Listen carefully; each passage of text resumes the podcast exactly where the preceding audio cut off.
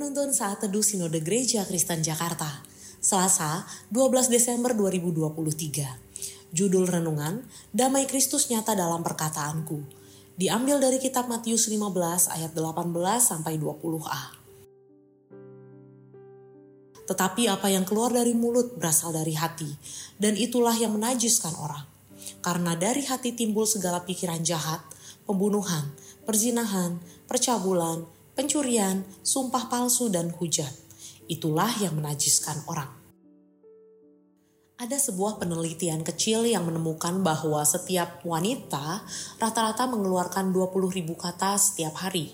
Sementara pria rata-rata mengeluarkan 70 ribu kata setiap hari. Hasil penelitian tersebut dimuat dalam buku The Female Brain yang ditulis oleh Luen Brizendine. Ini menunjukkan bahwa setiap hari kita memiliki beribu-ribu bahkan puluhan ribu kesempatan untuk menyatakan damai Kristus kepada dunia. Pertanyaan pentingnya adalah, sungguhkah damai Kristus itu sudah memerintah dalam hati kita dan menjadi sebuah spirit yang sangat kuat untuk memberkati dunia? Nas hari ini merupakan penjelasan Tuhan Yesus tentang perumpamaan yang ia sampaikan ketika ia menjawab orang-orang Farisi yang mengkritik para murid yang tidak membasuh tangan pada saat makan. Tuhan Yesus mengatakan bahwa kenajisan itu muncul dari hati. Hati yang belum beres dari dosa akan mengeluarkan perkataan yang lahir dari spirit dosa sementara hati yang telah dikuduskan akan mengeluarkan perkataan-perkataan kebenaran yang lahir dari spirit kasih dan damai sejahtera Allah.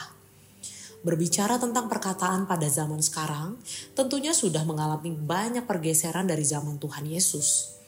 Perkembangan teknologi memperluas pengertian perkataan, yaitu tidak lagi hanya melulu kepada apa yang kita ucapkan secara verbal, tetapi termasuk apa yang kita ketik dan kita bagikan ke sosial media kita.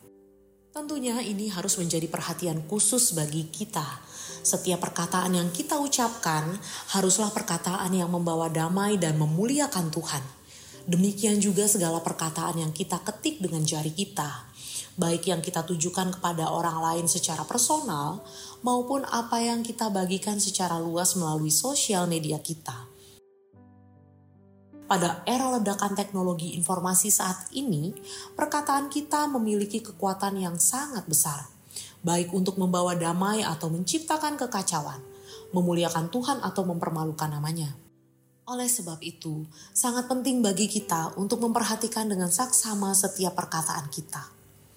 Tidak ada orang lain yang paling bertanggung jawab untuk membawa damai di tengah dunia melalui perkataan selain kita, anak-anak Tuhan. Perkataan adalah cerminan dari jati diri kita yang sesungguhnya. Perkataan yang lahir dari spirit kasih dan kebenaran memiliki kuasa yang sangat besar untuk membawa damai di tengah dunia. Kiranya Allah memampukan kita.